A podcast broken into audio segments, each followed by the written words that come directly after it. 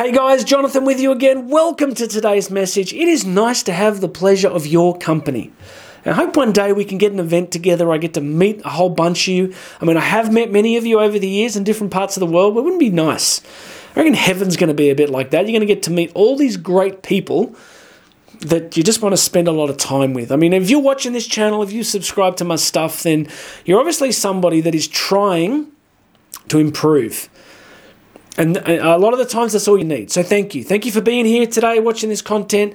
And uh, make sure you've subscribed. Hit the whacking great big subscribe thing wherever you're listening.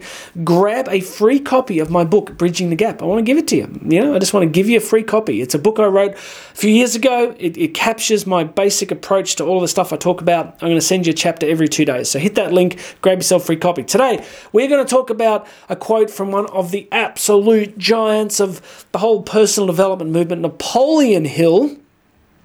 Napoleon's going to talk to us today about the thing that holds everybody back. We're going to talk about fear. Fear, the worst of all enemies, can be effectively cured by forced repetition of acts of courage. All right, one of the biggest principles that I teach, I teach it to my kids, I try and teach it to myself. It's taken me years to master it is feelings follow actions. If I could just give you that one gift. So many people go through life thinking that they will do X when they feel right, when they feel confident in doing it, then they'll do the thing, whatever the thing is job promotion, marriage, career, starting a business, whatever it is, right? So many people waste their life thinking, well, I'm going to start the second that I feel ready to do it. Feelings follow actions. Napoleon Hill is telling us a few key things here. Number one, fear greatest of all enemies. So true.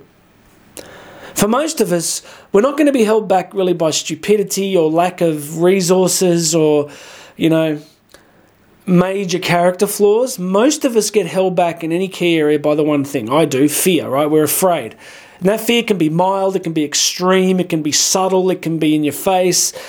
But fear is just this self preservation thing that we've evolved with as a species that used to serve an incredibly useful purpose when we were getting eaten by everything. But nowadays, our fear mechanisms are pretty much the same as they were 300,000 years ago, but the environment's changed. But we can still get easily triggered by fear.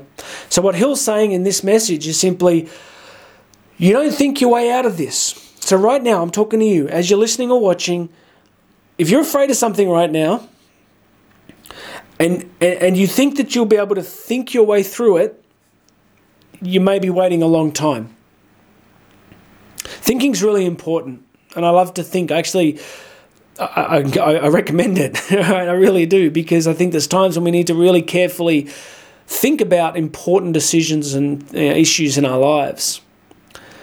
But when we're really confronting things that are fearful for us, it's action that matters.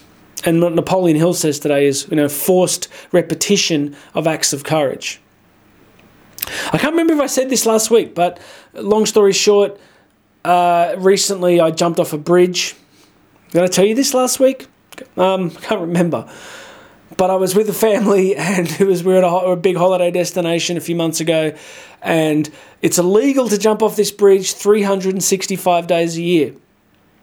And one day a year, it was Australia's National Day, the police allow people to jump off it or they turn a blind eye. So I'm like, yeah, my kids are like, oh, we've got to go down at five o'clock. Everyone starts jumping. You got to be there, Dad. And I'm like, yeah, we'll go down, check it out. And then they go, and all day my kids are like, you're going to jump? You're you going to jump? And I'm like, yeah, I'll jump. Of course I'll jump. Why wouldn't I jump? then I saw the bridge. It's like, you know, it's about six or seven meters above the water. And it's open ocean, right? So you're just jumping off this perfectly good bridge into an ocean. You know, how many bull sharks were in there? I don't know. But I get to this thing and you climb over the railing and you're sitting there, and all of a sudden I'm like, oh, what have I done? Uh, some of you would know I had a really bad accident a few years ago, almost died. And uh, so I've got titanium in both wrists. I destroyed both arms and I got titanium in both sides. And I'm sitting on this bridge thinking, um, um, if I get this wrong, I don't want to be back in hospital with these hands. And but here's the thing, right? There's hundreds and hundreds of people there watching, and I'm the you know the the middle aged dude on the bridge, and then my my kids, especially my youngest daughter Stephanie, she's like she's like big personality. She's like jump, jump, and she's like building up the crowd. She's the whole crowd. She's going jump, jump, jump, and I'm there going, oh, wait till you get home. And anyway, so finally, out of this moment of uh, first thing, I was I was genuinely afraid. So fear was a thing. Fear was present. It was real. It was there. So I'm not going to tell you I was just like, oh, this is all good. I wasn't. I was afraid.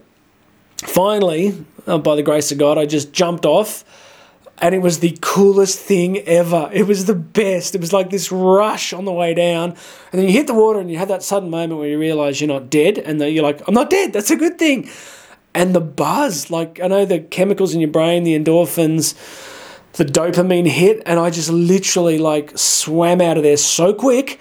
And it wasn't because of the bull sharks, it was because I just wanted to do it again. So I just kept doing it again. Long story. I hope you've enjoyed listening to it. But my point is that Napoleon Hill's right. It was the forced repetition of acts of courage that brought me to a very new experience and a really awesome experience and a great memory. So I just want to tell you that all the good stuff is on the other side of what you're afraid of. Now, I know that sounds like an Instagram post, I know that sounds like a t shirt slogan, but it is true. I mean, I've been in this space now for what, maybe close to 30 years.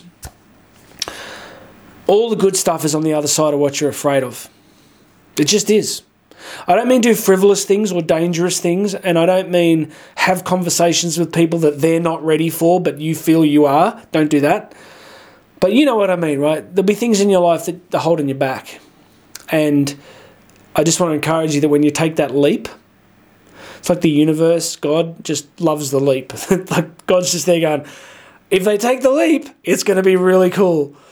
But we're so afraid. So I want to encourage you if you're afraid of something right now, and that fear isn't like a dangerous fear or a fear that's going to hurt other people, it's just something personal to you, I just want to encourage you. I want to tell you my bridge story and tell you to jump at the right time when you feel ready we may not always feel ready, but it's worth doing. All right, this has gone too long, but I just want to tell you that the actions come before the feelings. And if we do the hard things that we don't think we can do, the feelings come after that, and life gets richer and you get better. All right, please subscribe.